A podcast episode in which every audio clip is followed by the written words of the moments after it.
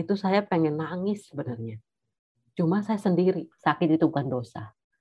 Sakit itu adalah cara tubuh kita memberitahu agar kita memperbaiki tubuh kita sebelum terlambat.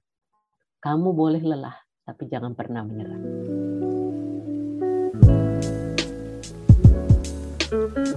Halo Sobat Kompak, selamat datang di podcast Kompak Bersuara episode bersama aku Puji di sini dan sekarang kita ditemani oleh narasumber spesial yang akan berbagi cerita dengan kita semua. Nah, kepada Ibu Helena, mungkin bisa memperkenalkan diri dulu nih kepada para Sobat Kompak di rumah.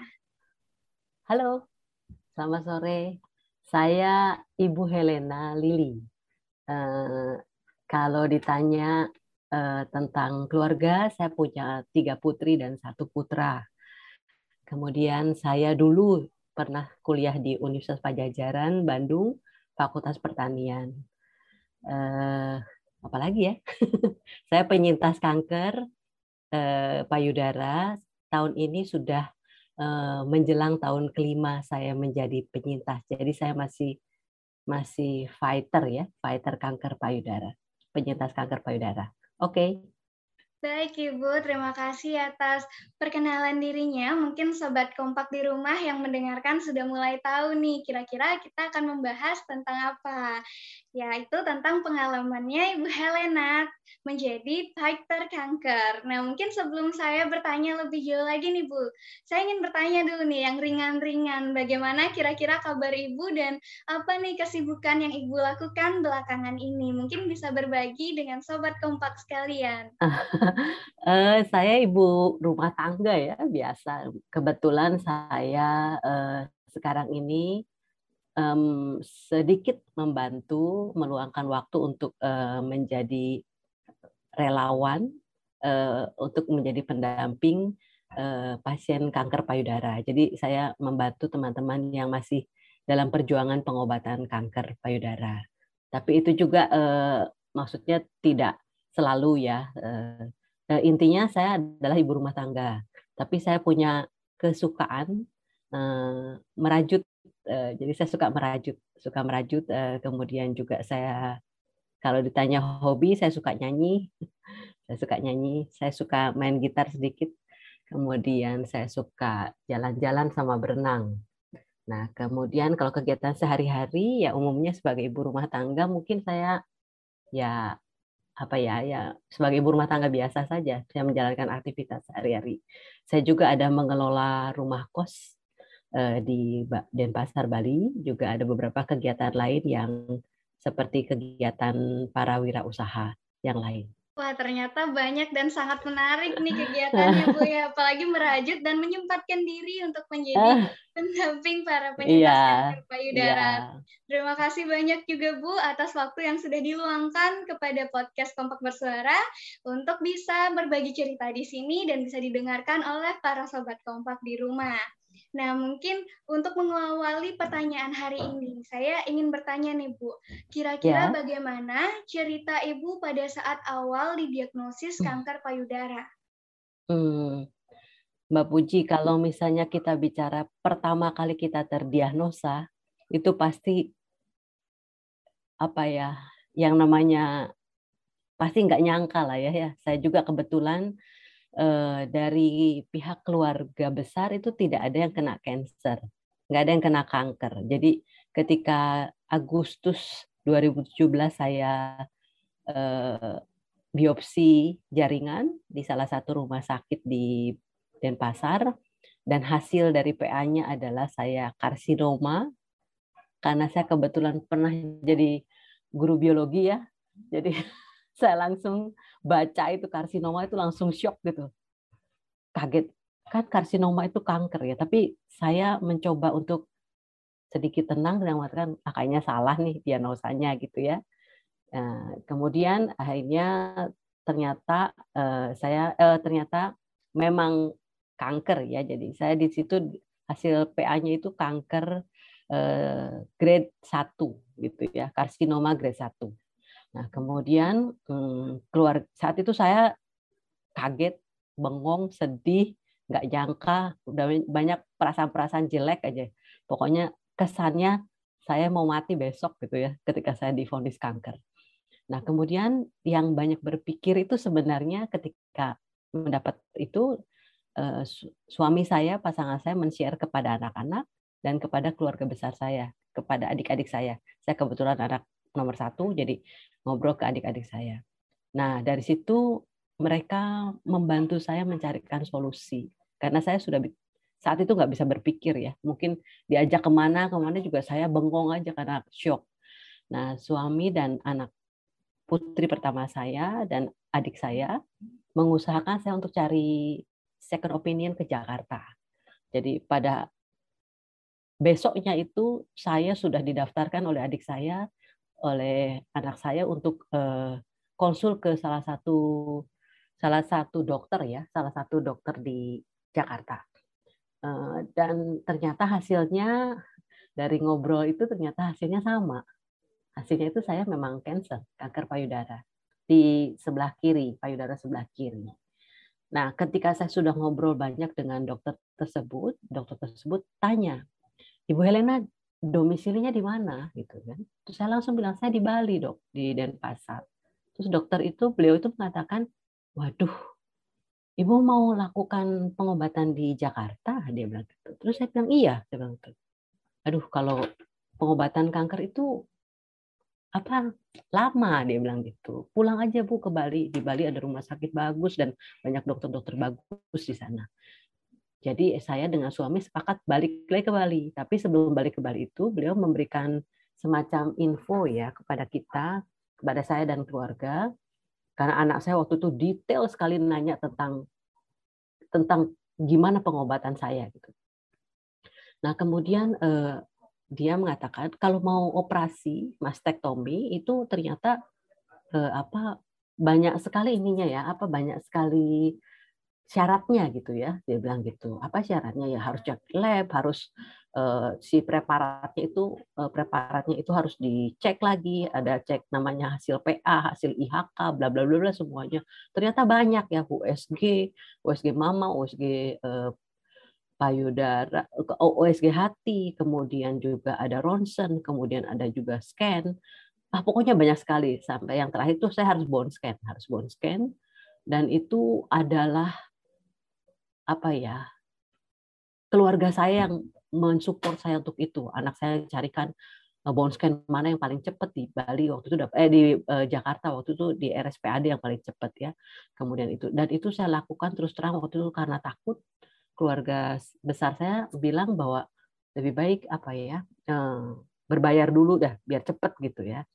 Nah hasil itu langsung eh, kami bawa pulang, kami bawa ke eh, Bali ke Denpasar, kemudian bertemu dengan salah satu dokter hebat yang sampai sampai sekarang juga saya kagumi dokter dokter dokter dokter Wayan Sudarse luar biasa dokter yang buat saya itu dokter yang luar biasa itu yang akhirnya menghandle saya untuk cepat operasi.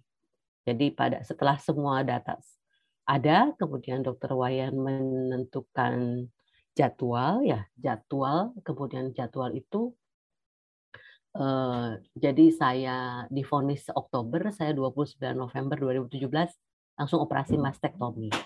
Kenapa saya memilih mastektomi? Karena ke, waktu itu dokter Wayan cerita ke saya tentang tentang pot dan akar pohon.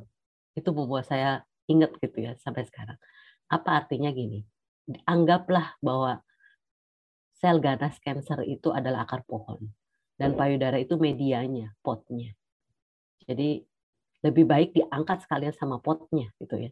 Istilahnya itu mastektomi gitu supaya menghindari penyebaran yang lebih cepat amit-amit kalau ada di mana. Nah, akhirnya saya dioperasi. Setelah dioperasi, kemudian eh, apa ya? Kemudian saya setelah dioperasi, kemudian saya eh, kayak harus kemo enam kali karena eh, jenis kanker payudara saya itu adalah positif positif negatif, jadi respon terhadap hormon estrogen dan progesteron, tetapi HER2-nya negatif. Eh, jadi mm, terapinya komplit itu ya, dari mulai mastek, kemudian saya kemoterapi enam kali, kemudian radiasi 25 kali, kemudian terapi hormonal minum obat dua tahun dan disuntik Soladek sebulan sekali, kemudian karena saya sudah menopause dirubah obatnya jadi uh, obat yang sudah menopause. Ini sudah tahun keempat saya minum obat hormonal. Mungkin itu ya ceritanya ya.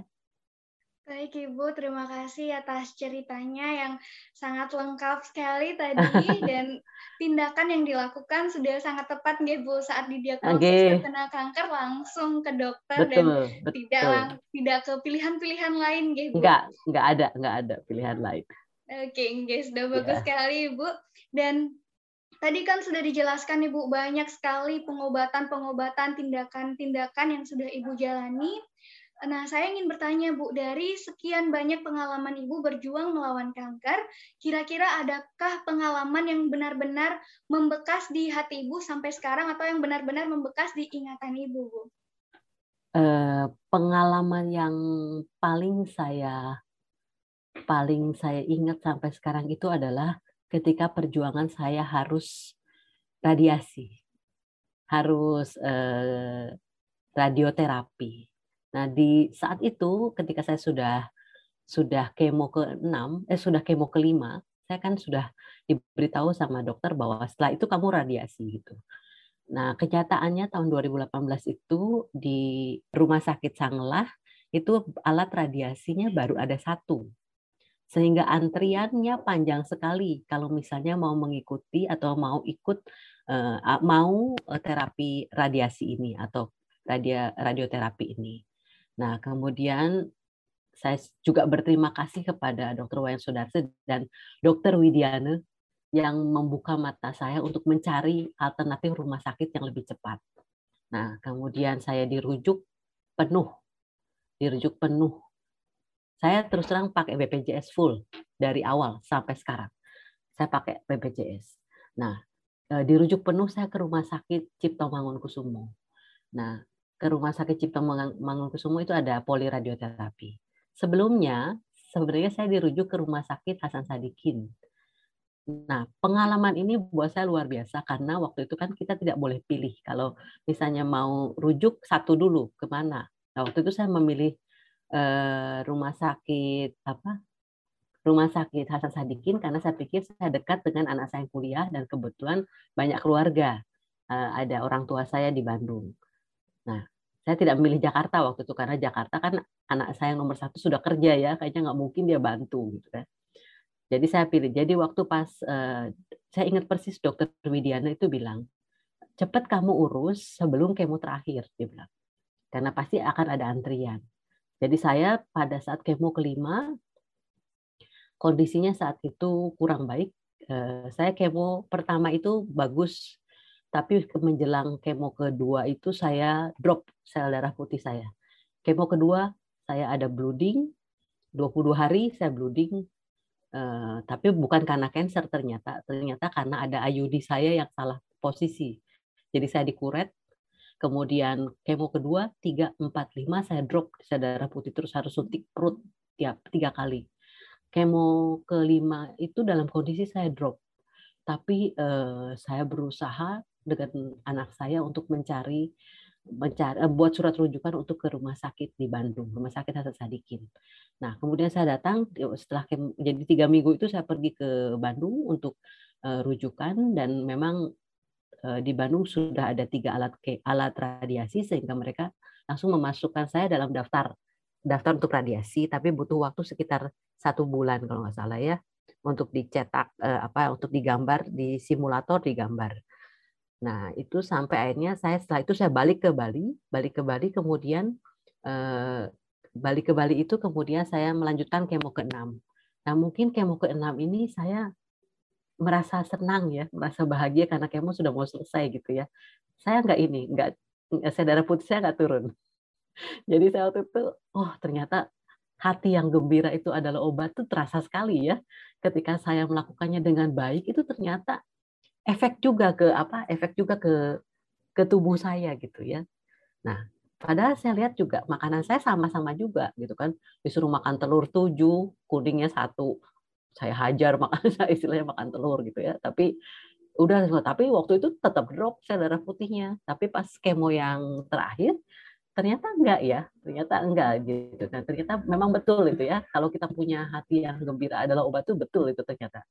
Nah akhirnya setelah itu saya dapat, kemudian saya ingat eh, juga apa yang dibicarakan atau apa yang pernah dibicarakan oleh Profesor Cakre. Profesor Cakre pernah bilang kepada kami kami ketika ada acara seminar tentang World Cancer Day kalau nggak salah waktu itu. Dia bilang pengobatan kanker itu lebih cepat lebih baik lebih cepat lebih baik. Artinya, tolong usahakan kamu itu yang fit badannya, jangan pernah mundur dari siklus kemo, jangan pernah mundur juga dari tahapan terapi. Jadi waktu itu hitungannya yang saya ingat eh, Prof. Cakra bilang, pokoknya kalau misalnya sudah operasi, sudah kering, sudah bagus, langsung kemo. Itu tahapannya 4 sampai 6 minggu, paling lama 2 bulan. Setelah kemo kemudian 4 sampai 6 minggu lagi radiasi gitu. Makanya saya kejar radiasi ke mana pun istilahnya. Nah, nah ketika saya sudah kemo ke-6, saya sudah dijadwalkan ke radiasi, saya pergi ke RSI Bandung. Uh, saya hari hanya itu saya datang dengan harapan semua lancar-lancar aja. Dan saya memberanikan diri untuk berobat sendiri. Saya tidak ditemani. Saya sama sekali tidak ditemani sama keluarga. Anak saya kerja, kuliah, suami saya juga uh, ada pekerjaan, jadi saya sendiri. Tapi apa yang terjadi saat itu, ketika di uh, poliradioterapi Bandung, saya menerima kenyataan bahwa hari pertama radiasi saya itu harus gagal karena ketiga alatnya rusak. Itu saya pengen nangis sebenarnya. Cuma saya sendiri. Jadi akhirnya ketika saya hati saya tenang, saya keluar ruangan, ada mereka bilang nggak tahu kapan alatnya itu sembuh gitu ya, alat itu baik ya. Saya ngerasa gimana ya. Tapi saya waktu itu diem aja ya, karena saya mungkin agak shock, kemudian saya sendiri, kemudian ketika agak tenang, kemudian saya coba telepon suami saya. Terus ya waktu itu mungkin saya juga manusia biasa ya, saya nangis waktu itu sendirian. Sedih sekali waktu itu ya, karena saya pikir Eh, kenapa bisa begitu ya? Saya pikir ya, pas jadwal saya, kok alatnya tiga-tiganya rusak gitu. Terus ada satu kata-kata suami saya yang saya ingat di waktu di telepon itu. Udah, coba kamu tanya ke pimpinannya aja, siapa tahu ada jalan keluar. Nah itu waktu sendiri saya nggak kepikir ya. Saya pikirnya nerima aja gitu ya. Terus akhirnya saya lari lagi. Terus suami saya bilang, makan dulu. Habis makan kamu coba ke sana lagi. Jadi habis makan siang saya ke poliradioterapi RSIS lagi. Ketika sampai di situ saya langsung tanya sama dokter yang bertugas, siapa dokter pimpinan di sini? Katanya ada namanya dokter, saya sebut namanya dokter Retno. Saya bilang, boleh saya ketemu? Oh boleh ibu. Terus saya cerita, dok terus terang saya sedih sekali. Hari ini saya pertama mau radiasi kok kejadiannya rusak semua. Nah itu yang kami nggak bisa prediksi bu. Mereka eh, panggil saya Bu Lili, Bu Lili katanya gitu. Terus gimana ya dok? E, gimana ya? Saya ini kan dari jauh. Saya bilang saya dari Denpasar gitu kan. Nah terus dokternya bilang gini ada beberapa dokter mau radiasi di RSCM ibu mau? Wah pas dengar kayak gitu saya langsung mau dokter mau saya bilang gitu. Nanti ya saya akan buatkan surat rujukan penuhnya ke RSCM katanya. Jadi ibu nggak usah antri di nggak usah antri lagi di poli yang lain langsung ke poli radioterapinya RSCM Nah, kapan ibu mau berangkat? Saya langsung bilang besok saya langsung bilang gitu. Terus saya cerita ke anak putri saya yang pertama yang ada di Jakarta, dia carikan saya tiket subuh dari Bandung naik kereta ke Jakarta, dan saya benar-benar langsung menuju RSCM. Nggak ke mana-mana lagi. Saya tiba jam 9 di RSCM, kemudian saya merasa prosedurnya juga tidak berbelit-belit, saya langsung ditangani dan lain sebagainya, saya langsung ke poli radioterapi, dan betul-betul saya kagum sekali karena di situ dikatakan bahwa di RSCM alatnya 6 apa 7 gitu ya. Jadi saya pikir nggak mungkin rusak semua ya. Saya pikir gitu kan. Nggak mungkin rusak semua gitu ya. Kemudian saya ditangani dengan baik dan ketemu dengan salah satu dokter hebat, juga dokter muda hebat. Saya kalau boleh berterima kasih sekali sama dokter ini, namanya dokter Gatot. Dan eh, yang atasannya langsung adalah Prof. Suhartati beliau ada salah satu orang yang dokter radiologi eh, radioterapi yang saya kagumi berdasarkan ceritanya dokter Wayan Sudarso ya. Jadi Prof ini luar biasa. Nah, kemudian saya ditangani dengan baik Dan saya akhirnya hari itu juga saya langsung diberi jadwal, nggak sampai jadi saya langsung ditelepon besoknya. Hari ketiga atau keempat saya sudah langsung datang untuk CT scan, eh CT simulator ya. Nah untuk CT simulator itu, eh, nah ini jadi masa maksud saya semua itu ternyata ada hikmahnya.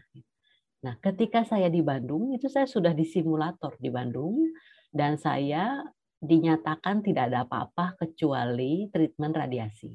Tidak ada cerita bahwa saya ada apa-apa. Ketika saya di RSCM, radioterapinya punya CT simulator. CT simulator itu lebih akurat. Eh, ternyata di bagian medistra interna, jadi di dalam, jadi yang ke arah paru-paru, ada kelenjar betah gening saya yang ukurannya besar, dua setengah kali tiga kali berapa, yang ukurannya tidak normal. Nah itu baru ketawanya di situ simulator. Saya diterangkan sama dokter Gatot ini.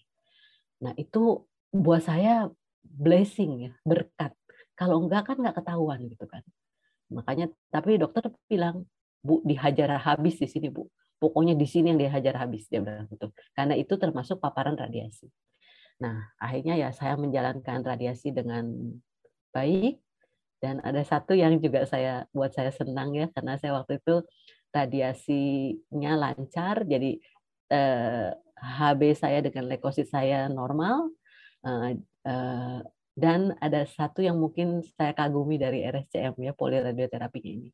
Kami eh, yang bergelang yang sedang radiasi itu pada saat makan siang kami diberi makan siang setiap hari. Itu mungkin kayaknya nggak ada ya di rumah sakit mana pun ya. Kami diberi free makan siang tiap hari di jadwal jam makan siang. Makanya terus iseng-iseng teman saya pada bilang, udah Bu Helena, jat, coba jadwalnya jam 11 sampai jam 12 aja. Jadi pulangnya makan siang, gitu, gratis gitu ya. Nah, karena kita eh, ada seperti itu, jadi kami punya teman-teman baik juga yang se, se, seperjuangan ya, dan akhirnya terapi saya berlangsung dengan baik dan saya pulang ke Bali eh, Juni 2018 untuk melanjutkan terapi hormonal sampai sekarang. Itu ya yang paling berkesan. Baik Ibu, terima kasih. Ternyata pengalamannya benar-benar sangat menarik ya Ibu. Nah dari cerita Ibu tadi mungkin kita juga bisa tahu ya Sobat Kompak bagaimana Ibu Helena mencari dari rumah sakit satu ke yang lain karena mungkin katanya rumah sakitnya penuh berarti itu berarti kasus kanker di Indonesia ini masih perlu banyak perhatian kita. Terlebih lagi tadi ada alat yang rusak seperti itu. Mungkin pemerintah juga sudah berusaha membantu ya Ibu tadi dikatakan betul. ada BPJS betul, bisa mengcover biaya mungkin nanti betul. selanjutnya bisa lagi ditingkatkan, diberikan perhatian lagi untuk pasien-pasien kanker agar penanganan lebih cepat, tidak harus ganti-ganti rumah sakit dan alatnya yeah. tersedia. Dan untungnya di perjuangan ibu yang tadi tidak mengenal lelah selalu berusaha berusaha berusaha selalu dibukakan jalan ada tenaga Amin. kesehatan dokter-dokter yang baik orang-orang yang baik dan semua hal terjadi pasti ada alasannya ya Bu sampai Betul. di rumah sakit terakhir yang benar-benar baik dan Betul. yang paling saya ingat tadi adalah hati yang gembira adalah obat dan tadi ya. ada kekuatan cinta dari suami ibu yang ya. menenangkan ibu. Iya, betul. Betul nah, sekali itu. Baik, mungkin selanjutnya berkaitan nih Bu dengan pertanyaan selanjutnya dari kekuatan cinta itu Bu. Kira-kira nih Bu, dalam Ibu berjuang melawan penyakit kanker ini, siapakah orang atau apakah alasan terbesar ibu untuk berjuang? Mungkin dari suami ibu yang benar-benar memberikan semangat atau keluarga ibu. Mungkin bisa dijawab ibu? Uh, ya, mungkin kalau saya katakan saya bersyukur sekali banyak sekali orang baik di sekitar saya. Dan orang-orang dekat saya sangat mendukung mendukung pengobatan yang saya lakukan itu luar biasa. Kalau ditanya ya pasti keluarga kecil saya ya, suami dan keempat anak saya yang luar biasa. Tapi selain itu keluarga besar saya yang mendukung saya, keenam adik saya dan keluarganya. Dan akhirnya ibu dan bapak saya yang sudah sepuh akhirnya mereka terpaksa harus tahu harus tahu bahwa putri terbesarnya itu kena kanker. Jadi ketika itu ibu dan bapak saya sudah sepuh menyempatkan diri untuk ke Bali untuk lihat saya. Untuk lihat saya waktu itu saya sedang sedang kemo atau apa ya? Saya lupa waktu itu apakah sedang kemo atau apa. Nah mereka-mereka itu yang betul-betul menguatkan saya untuk bertahan hidup ya istilahnya bertahan hidup itu artinya gini. Karena kalau Eh, kami-kami yang kena cancer ini dianggapnya mungkin pada dasarnya walaupun tanpa disadari orang-orang bilang bahwa kami mungkin akan lebih dahulu meninggalkan dunia ini ya dibandingkan mereka mereka yang sehat ya gitu ya mungkin ya ada pikiran seperti itu ya waktu itu kami jadi merasa butuh dukungan dari orang-orang terdekat ya terutama keluarga kecil ya anak-anak saya dengan suami dan juga keluarga besar saya mendukung tapi selain itu sebenarnya ada satu, ada beberapa yang harus saya betul-betul berterima kasih dan bersyukur, yaitu adalah kehadiran dokter-dokter dalam hidup saya. Mungkin yang pertama saya sebut ucapan terima kasih pada dokter Dr. Wayan Sudarse. Beliau dengan ketenangannya, dengan keahliannya yang luar biasa, menenangkan saya dan meyakinkan saya bahwa semua akan baik-baik saja. Dan eh, saya merasa ketika melihat beliau, mungkin 60% atau 70% saya sudah sembuh rasanya.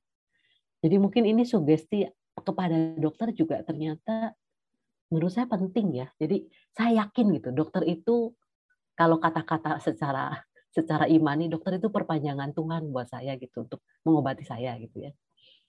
Karena uh, terus terang juga saya bukannya tidak percaya dengan tidak percaya dengan herbal bukan bukan. Tapi saya merasa semuanya harus terukur gitu. Lihat cek darah hasilnya gimana gitu ya. Kalau pengobatan herbal mungkin juga ada teman-teman yang sembuh tapi saya kurang meyakini sebenarnya juga saya percaya dengan miracle keajaiban. Ada juga orang yang sembuh secara ajaib.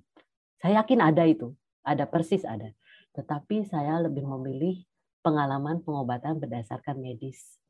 Karena menurut saya, secara logika manusia, itu yang paling terukur. Dan saya merasa para dokter itu, dan termasuk juga mungkin Puji dan kawan-kawan ya, calon-calon dokter, itu juga kan sekolahnya nggak gampang ya, susah ya. Sekolah ber lebih susah dari mahasiswa biasa ya, sarjana biasa. Untuk jadi dokter tuh nggak gampang gitu, belajarnya, terus ditambah lagi dengan keahlian bla bla bla bla semuanya belum ngafalin sampai ngantuk. Harus apa segala macam ya. Jadi saya sangat menghargai apa ya peran dokter ya profesi dokter yang buat saya. Kalau orang itu bukan panggilan hidupnya jadi dokter susah loh jadi dokter ya. 24 jam harus standby ada semacam etika ya etika kedokteran yang harus di eh, apa harus dihormati ya jadi terus anda juga benar-benar harus Eh, jadi dokter itu nggak gampang lah istilahnya gitu. Jadi saya lebih percaya dengan dokter-dokter yang banyak belajar itu untuk bisa membantu penyembuhan saya. Jadi selain itu. Dan sekarang saya bersyukur dengan komunitas. Karena ketika menjalankan saya menjadi penyintas kanker, ketika bergabung dalam komunitas, itu terasa bahwa saya nggak sendiri. Gitu.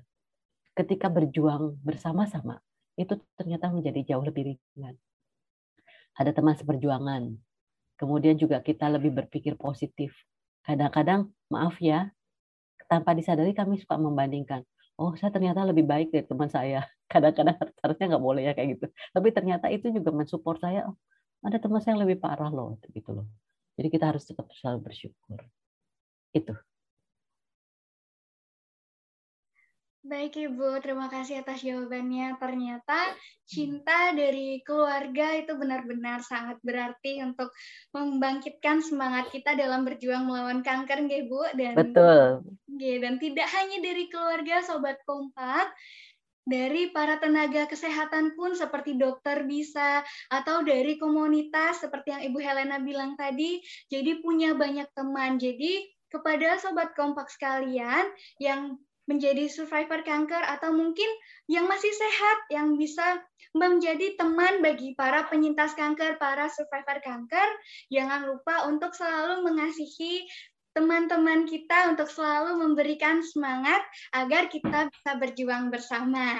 Nah, terkait dengan komunitas nih Bu, saya kan bisa mengenal Ibu Helena itu dari Bali Pink Ribbon Foundation nih Bu. Makanya ya, kita bisa betul. bertemu di sini.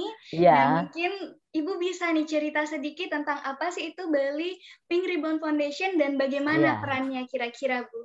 Ya, kalau uh, di Bali kita sangat bersyukur ya.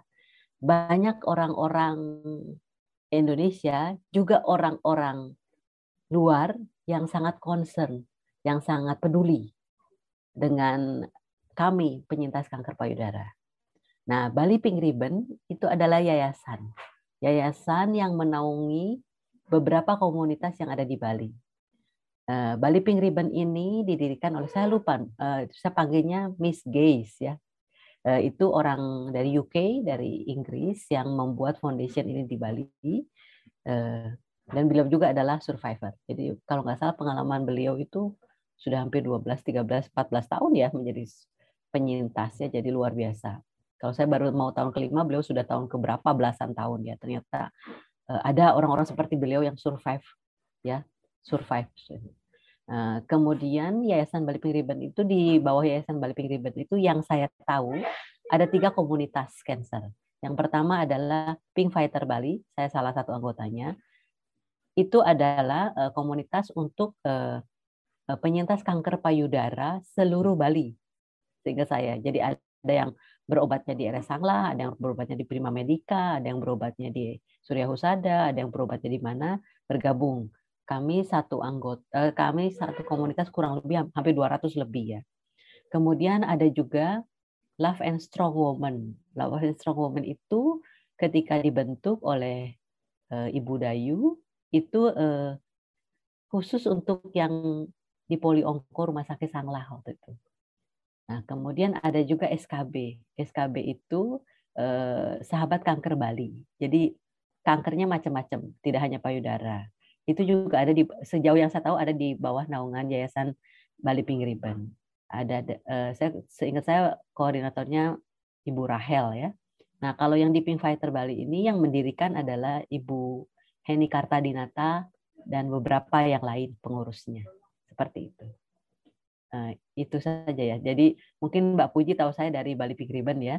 Nah, nah karena Bali Pink Ribbon ini benar-benar concern untuk penyintas kanker payudara. Jadi bikin acara-acara semacam acara-acara eh, donasi, acara charity juga, kemudian acara eh, apa acara apa-apa yang untuk inilah untuk eh, mereka mengambil apa menjadi sarana untuk ada penyumbang-penyumbang atau donasi atau donatur untuk uh, pasien atau uh, penyintas kanker payudara itu. Jadi saya terlibat di sana. Baik, terima kasih Ibu. Wah, ternyata dari penjelasan Ibu Helena tadi kita tahu ya, Sobat Kompak, kalau Yayasan Bali Pink Ribbon ini benar-benar sangat bermanfaat khususnya bagi para penyintas kanker payudara ataupun para pejuang kanker payudara ini. Nah, mungkin Ibu sebelum kita menutup podcast pada hari ini, adakah pesan yang ingin Ibu sampaikan kepada para pendengar di rumah, sobat kompak sekalian? Untuk waktunya saya persilakan. Ya, Mbak Puji, yang pertama itu saya ingin selalu mengatakan kepada semua perempuan di mana saja, kalau bisa di seluruh dunia, ya, bahwa perempuan itu harus mencintai dirinya sendiri. Harus sayang sama dirinya sendiri. Di balik semua peran yang diberikan pada perempuan. Misalnya, misalnya sebagai ibu. Sebagai ibu. Kodrat kita memang sebagai ibu. Kalau kita sudah berumah tangga dan mempunyai anak. Tapi ingat, kamu juga adalah perempuan. Jadi kamu juga tetap harus sayang pada dirimu sendiri. Caranya apa? Caranya, ini yang paling sederhana ya, yang saya selalu ingat. Kalau kita menyiapkan makan, misalnya, misalnya nih, putra putra putri saya ada empat, suami saya ada satu, saya satu, berarti kami berenam. Kalau kami berenam, berarti ayam goreng itu harusnya darinya enam potong, bukan lima potong, terus mamanya atau ibunya dikasih sisanya dari anak. Jadi kita harus sayang juga sama diri kita dan menghargai diri kita sendiri sebagai perempuan. Yang pertama itu. Yang kedua, yang kedua adalah karena ini berhubungan karena saya adalah penyintas kanker payudara, saya sudah mengalami menjadi sampai saat ini saya terus berjuang untuk hidup normal, hidup sehat, hidup baik. Tolong semua perempuan yang sudah menstruasi belajar untuk melakukan sadari setiap bulan. Itu mungkin mudah-mudahan kompak menjadi salah satu penggerak untuk menyadarkan sahabat-sahabat kita di luar sana untuk menyayangi payudara sendiri dengan cara mengamati, melihat, melakukan sadari yang paling sederhana.